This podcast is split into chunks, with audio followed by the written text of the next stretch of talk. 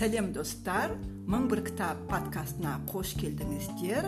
Бұл подкастты жүргізуші бақытгүл салыхова подкастымда оқыған кітаптарым және шетел балалар әдебиеті туралы айтып беріп жүргенімді естіп тыңдап жүрсіздер. Бүгін ерекше бір подкаст болайын деп тұр. Өйткені бізге қонақ келді. Қонағымыздың есімі аружан. Аружан сәлем. Сәлеметсіз бе? Қалың қалай? Жақсы. Аружан енді біздің тыңдармандарға өзіңді таныстырып өтсең. Мен абилова аружанмын ә, жасым он төртте. Мен назарбаев зияткерлік мектебінің оқушысы боламын.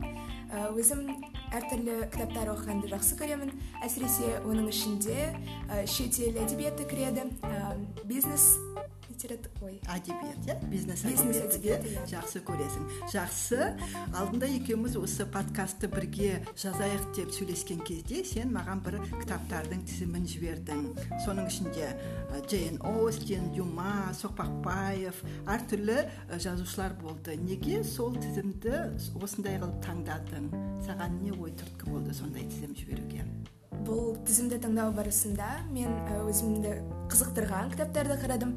Және әсіресе оның ішінде мені ойландырған жаңа идеялардың пайда болуына себеп болған кітаптарды жазып жібердім. Жақсы сол тізімнің ішінен біз джейн эйр деген кітапты таңдадық. Оның авторы шарлотта бронте және бұл кітап 1847 жылы жазылған. Мен есептеп көрдім содан бері 173 жыл өткен екен. Қалай ойлайсың қазіргі балаларға бұл кітап несімен қызық болуы мүмкін? Менің ойымша қазіргі заман балалары үшін бұл кітаптың идеялары әлі де өзекті болып қалғандықтан жаңа ойлар ойларға салуы мүмкін. Яғни осы кітаптың тақырыптары әлі күнге дейін өз өзектілігін жоғалтпаған. Бұл кітап туралы қайдан білдің? Қалай естідің? Бұл кітап әлем әдебиетінің алтын қорына кіргендіктен мен осы тізімді қарап шығып соның ішіндегі сюжеті мен үшін қызық болғандықтан оқып көргім келді. Бұл мектептің тапсырмасы болды ма? Жоқ бұл мектеп тапсырмасы болған жоқ. Аха. Сен қай тілде оқыдың бұл кітапты? Мен бұл кітапты орыс тілінде оқыдым. Жақсы ағылшын тілінде де бар екенін білесің ғой иә? Иә. Жақсы. Енді кішкене мазмұнына көшейік иә? Джейн эйрдің қысқаша бір мазмұнын айтып берсең бізге Э, романның басты кейіпкері джейн эйр ата анасынан ерте жасынан айырылып балалық шағын тәтесі сара ридтің ә, гейтсхед иелігінде өткізеді. Рид ханым оның туған тәтесі емес анасының ағасының жесірі болғандықтан қызды жүрегіне жылы тарта қоймайды. Бұл жерде біз айта кетейік иә джейн эйр он жасында жетім қалады. Әкесі де анасы да қайтыс болып кетеді. Және жаңағы тәтесінің үйіндегі өмірі қандай болды? Оның тәтесінің үйінде барлығы кішкене джейнді кемсітіп оған дөрекі қарайды. Олардың бәрі бір ауыздан джейнді зұлым алдамшы бүлінген қыз деп санайды. Бұл жерде қазір былай параллель жүргізіп көрейікші. Қазіргі кезде де кейде достар арасында мүмкін сыныптастар арасында өстіп балаларға бір біріне кемсітіп қарау тең санамау да бар болатын болар иә? Иә қазіргі заманда бұл мәселені көбінесе буллинг деп атайды. Яғни бір адамды ә, мақсатты түрде кемсіту. Енді бұл жерде ең үлкен мәселе осы романда оның джон деген жиені болады иә сол джон мен джейннің арасындағы қақтығыстар. Екеуі андасында төбелесіп те қалады. Және дегенмен ата анасы джонды жақтап ылғи джейн кінәлі болып шыға береді иә? Yeah? джейннің өмірі қай кезде өзгереді? Джейннің өмірі оған фармацевт лойс келген кезде өзгереді. Себебі ол фармацевт лойстың айтуы бойынша кішкене джейнді мектепке жіберу керек болды.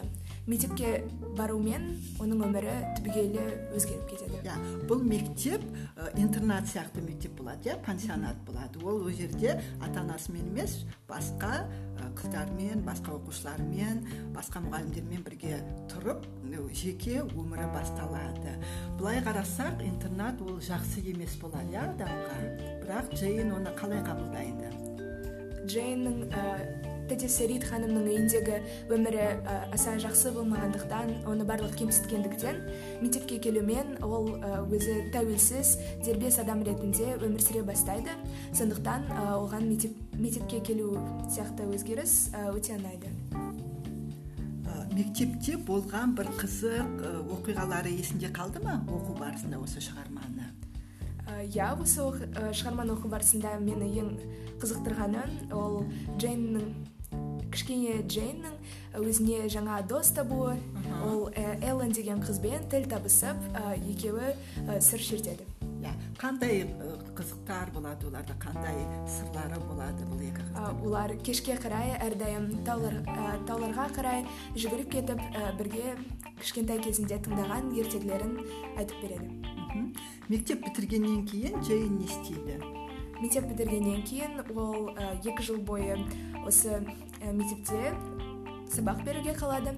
Алайда оның мисс темпл кеткеннен кейін ол басқа жаңа өмірге қадам баспақшы болып басқа үйге гувернантка болып тұрады. Иә жұмыс 18 жасында оны торнфилд деген бір байдың үйіне жұмысқа шақырады иә. Ол жерде ол не істеу керек болады? Ол жерде ол кішкене қыз адель адельді оқытып оған сабақ беруге міндетті болады. Осы үйде қандай қызықтар болады? Бұл үй несімен ерекше? Бұл үй арасында көптеген мифтар оқиғалар болатын. Алайда джейн оның барлығының мәнін түсінбейтін. Бірақ оны бір күні үй иесі рочестер мырза үйге келгеннен кейін күнде түнде біртүрлі дауыстар шыға бастайды. Және бұл джейнді қорқытады.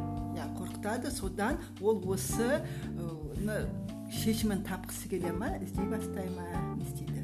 Иә ол шешімін тапқысы келіп айналасына қарап рочестер мырзамен сөйлесе бастайды. Кейін осы рочестер мырзамен арасында бір достық жақсы қарым қатынастар болады. Иә өйткені ол кісі сондай бір суық қатал адам болып көрінгенімен шын мәнінде ақылды мейірімді және сондай жағымды адам болып шығады солай ма жоқ олай емес иә солай. Кейін бұл мысалы осы шығарманы оқып отырғанда ең бір күлкілі жері болды ма жоқ болмаса таң қалдырған нәрсе несімен есте қалды? Мені таң қалдырғаны осы романдағы барлық дерлік кейіпкерлер шын өмірдегі адамдардың бейнесіне негізделе отырып құралған екен.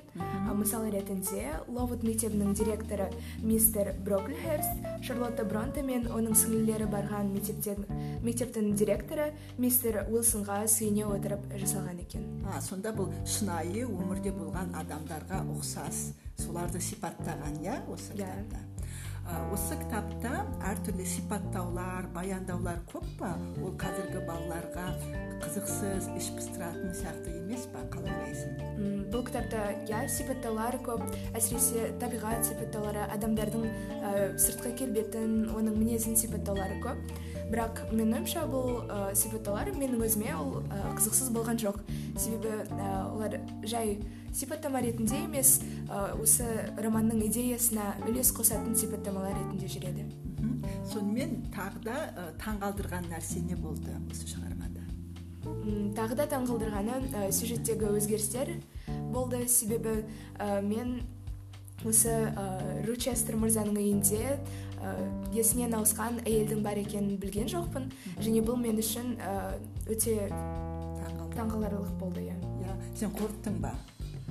Қалай иә қорқыныш сезімі болды. Ә, және кейіпкерлерге жанашырлық сезімі пайда болды. Жақсы. Енді ә, бұл кітапты сен қанша уақытта оқып біттің бұл кітапты мен екі күнде оқып бітірдім. Күніне сонда неше беттен оқыдың? Екі жүз елу беттен шамамен себебі барлығы бес жүз сегіз бет қой. Иә әдетте мен ә, қызық кітаптарды тез оқып бітемін сондықтан осы кітап соның ішіне сол кітаптардың біріне кірді. Яғни ә, сенің кітап оқу жылдамдығың өте тез ғой иә? Сен тез оқисың ба жоқ әлде баяу оқисың иә тез оқимын. Тез оқисың және тез есіңде көп нәрсені сақтайсың. Енді тағы да мынандай ә, еске түсірейікші осы жерде басты кейіпкерді ренжітіп орынсыз кінәлайтын жазалайтын кездер болады. Осы жерлер саған қалай әсер етті? Осы жерлерде мен өмір әділетсіздіктерін көргендіктен мен эмпатия сезімдері жанашырлық сезімдері пайда болды. Мен кішкене джейнге осындай қатыгез қатынаспен қараған кейіпкерлерді жек көріп кеттім. Сонда ә, қазіргі балалар мысалы сен осы шығарманы оқып болған соң достарыңмен сыныптастарыңмен бірге оны талқыладыңдар ма? Иә біз бірнеше рет ә, достарым арасында талқылағанбыз. Және олардың көбісі осы шығарманы ұнатты. Ұнатып оқыған иә олар? Оларға сонда не ұнады? Ең басты нені көрсе, айтады достар? Ә, ең бастысы ол басты кейіпкер ә, джейн эйрдің оның мінезінің мықтылығы рухани сұлулығы ұнады. Және осы ә, джейн мектеп кезінде бақытты болды деп ойлайсың ба? Иә менің ойымша мектеп кезінде ол бақытты болды. Ә, аурулар ә, жаман қатынас ә, ретіндегі ә, қиындықтарға қарамастан ол жүрегі жылуға толы мисс темпл тәрбиеші тәрбиешісіне және өзінің эллен деген досының арқасында осы мектепте өткізген уақыттары ол үшін аса бақытты кезеңдердің бірі болды. Енді джейннің оқушысы адель мен қарым қатынасы қалай болды? Оған не үйретті? Есіңде ме осы шығарманың осындай жерлері? Иә есімде. Адель мен ә, джейн екеуі ә, сабақ оқыды ә, және оған кітап оқуды үйретті. Алайда адель ә, ондай оқуға аса мән бергісі келмеді. Бірақ соған қарамастан джейн ә, оны қызықтыруға тырысты. Енді джен эйр кейін біз білеміз осы үйден кетіп қалады. Сол үйден кету мына торнфилден ше кетудің себебі не еді? Менің ойымша ол үйден кетуі ә, қорқынышты ә, құпияның ашылуы болды. Себебі ол осындай құпияны осыған дейін оған дейін білмегеніне өте ашуланды. Иә ол ол жерде жаңағы торнфилдтің иесі мен джейннің арасында бір махаббат сезім пайда болады иә? Иә. Сондықтан ол өзін ары қарай бұл жерде қалуға менің мүмкіншілігім жоқ қалмауым керек деп кетіп қалады. Сол үйден кеткеннен кейін тағдыры не болды? Қандай оқиғаларға кез болады ол? Сол үйден кеткеннен кейін ол бірнеше күн бойы көрші көрші еліктерде тамақсыз сусыз ә, жүреді. Иә қиналады иә иә әртүрлі қиындықтар көреді. Бірақ ә, оның барлығының шешімі өзінің ә, туысқан кейіннен туысқан болып шыққан адамдарды кездестіру болды. Иә осы жерде бір ерекше оқиға болады иә джейн аяқ астынан бір кісіні кездестіріп олар оны танып оған әке шешесінен қалған мұраны беріп аяқ астынан джейн бай болып шыға келеді. Иә осы жерде айтып берші бізге. Ол осы жерде ол үшін өте таңғаларлық болғаны ол өзін кедей адам деп санасады. Кейін оған мұра беріледі. Осы мұра берілгеннен кейін ол ол оны өзінің ағаларымен бөліседі. Себебі осыған дейін оған ағалары мен әпкелері оған мейіріммен қарағандықтан осы мұраны бір бірімен бөлісуінің себебі болады. Иә жақсы жақсы. Енді ә, тағы не ә, айтсақ болады? Дегенмен ол басқа жаққа кетіп қалса да джейн бәрібір рочестер туралы ойлап жүреді иә? Жаңағы торнфилдтың ә, иесі туралы. Бірақ сол торнфилдтың иесімен бір қайғылы жағдай болады. Есіңде ма не жағдай иә сол торнфилдтің тұратын жеріндегі сол аудандағы адамдардың айтуы бойынша осы есінен ауысқан әйелді құтқару үшін рочестер жанған үйден секіріп өзінің көз көз көру қалады яғни жаңағы есінен ауысқан әйелі үйді өртеп жібереді иә? Үйді өртеп иә. жібереді де сол жерде қайтыс болады. Бірақ соны құтқарамын деп жүрген кезде рочестер өзі зақымданып қалады кейін көзі көрмей қалады. Содан кейін не болады? Содан кейін ә, рочестер мырза ә, бөлек бір үйге өзінің екі досын алып алыстағы орман арасындағы үйге көшіп кетеді. Ал джейн күні бойы рочестер мырза туралы ойлап оның қиыншылық көріп жатқанын сезінеді. Сосын ол оған қайтып келеді иә? Қайтып келіп кейін екеуі бақытты болып өмір сүреді. Біраз уақыттан кейін рочестерға кішкене көз көру мүмкіншілігі қайтып келіп олардың бөпесі болады иә? Сол бөпесін көру қуанышына ие болады. Бұл екі әдемі осындай бір ә, жақсылықпен аяқталады. Енді осы шығармадан жалпы алған әсерің қандай болды? Осы шығармада мен оқу барысында ә, бірде таң қалдым бірде ә, басты кейіпкерлерді аядым және осы шығарманың маған берген әсері зор болды. Енді осы шығарманы сен барлық балаға оқуға ұсынар ма едің? Жоқ негізінен мен балаларға емес ә, көбінесе жасөспірімдерге ұсынар едім. Ә, себебі осы шығармада ә, рухани ә, сұлулық ә, мінездің тұрақтылығы және ә, әділеттілік сияқты тақырыптар ә, қозғалады.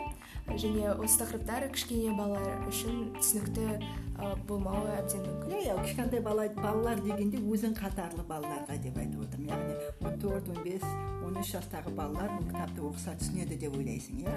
Иә әрине мен оларға осы кітапты ұсынар едім.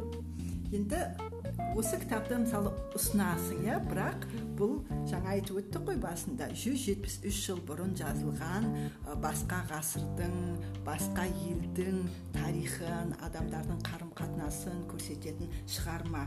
Қазіргі кезде осы заманда бұны қалай жарнамалар едің? Басқа жаңа жасөспірімдер өзіңнің достарың оны оқу үшін. Мен осы шығарманы қазіргі таңда да жүз жетпіс үш жыл бұрын жазылғанмен қазіргі таңда да өзекті болып табылатын шығарма ретінде жарнамалар едім. Яғни ол өмір сүруге құштарлық сияқты қызықты қызықты тақырыптарды ашады. Әсіресе басты кейіпкерлердің сипаттамалары және табиғаттың сипаттамалары жаңа сюжеттік оқиғалардың тез ауысуы сіздер үшін қызықты болады деп ойлаймын. Иә осы джен эйр шығармасы бойынша түрлі қойылымдар қойылды кино түсірілгенін білетін боларсың иә? Сен киносын көрдің ба? Иә мен 2012 жылы жарыққа шыққан киноны көрдім. Бірақ шын мәнінде ол жерде көп оқиғалар айтылмай қалған сондықтан кино көргеннен гөрі кітабын оқуды ұсынар едім яғни кино мен кітаптың арасында алшақтық бар дейсің. Да. Сонда кинода қай жағына басымдық берген? Нені көбірек көрсеткен? Кинода көбіне кішкене джейннің балалық шағын ә, көрсетеді. Бірақ оның ә, ересек адамға айналып ә, кейін рочестер мырзамен қалай ә, сөйлескені ол аса ашылмайды. Ашылмайды деп ойлайсың иә? Бірақ саған кино ұнады ма? Негізінен иә ұнады барлығы өте әдемі бейнеленген және басты кейіпкерлердің бет келбеттері де кітапта бейнеленген кітапта сипатталғанға сәйкес келеді иә сәйкес келеді. Сонда сен кейде адамдар уақытты үнемдеу үшін кітапты оқымай киносын да көрсе болады деп айтып жатады. Қалай қарайсың осы ойға иә кино көрсе кино көру арқылы сіз ә, оның басты идеяларын ұғып ала аласыз. Бірақ ә, сонда да ә, нақтырақ ә, детальді қарастыру үшін ә, басқа да идеяларды ашу үшін кітап оқыған дұрысырақ деп ойлаймын. Кітап оқу саған не береді? Кітап оқу мені ә, жаңа ойлардың пайда болуына және ә, шабыттануға ә, жетелейді. Қызық екен. Өте жақсы. Енді осы джен эйр туралы бір қорытынды жасайық иә? Оның өте әдемі қаншама ғасырдан бері келе жатқан және адамдарға әсер етіп қызығып оқып жүрген шығармалардың бірі ғой. Сондықтан әлі де адамдар оны оқитын қызығатын адамдар пайда болады деп ойлаймын. Және бізді тыңдап отырған адамдар да жастар болсын үлкен кісілер болсын. Олар да қызығып оқымаса мүмкін оқуға қызығар немесе бұрын оқыса тағы да қайталап бір қарап шығуға әсер еттік деп ойлаймын. Біздің тыңдармандарға қандай тілегің бар? Ә, мен тыңдармандарға тілегім ә, көп кітап оқыңыздар ә, денсаулықтарыңызды күтіңіздер және өз ойларыңызды әрдайым кітаптар әрдайым жазып отырып ә, соларды сақтап қорытындылап жүріңіздер. Жақсы көп рахмет. Сонымен бүгінгі мың бір кітап подкастын аяқтаймыз. Бүгін сіздерге шарлотта бронтоның джейн эйр деген шығармасы туралы айтып бердік. Бізде қонақта болған аружан. Аружан көп рахмет. Келесі кездескенше. Кітап оқыңыздар білімдеріңізді кеңейтіңіздер ойларыңызбен бөлісіңіздер. Сау болыңыздар. Сау болыңыздар.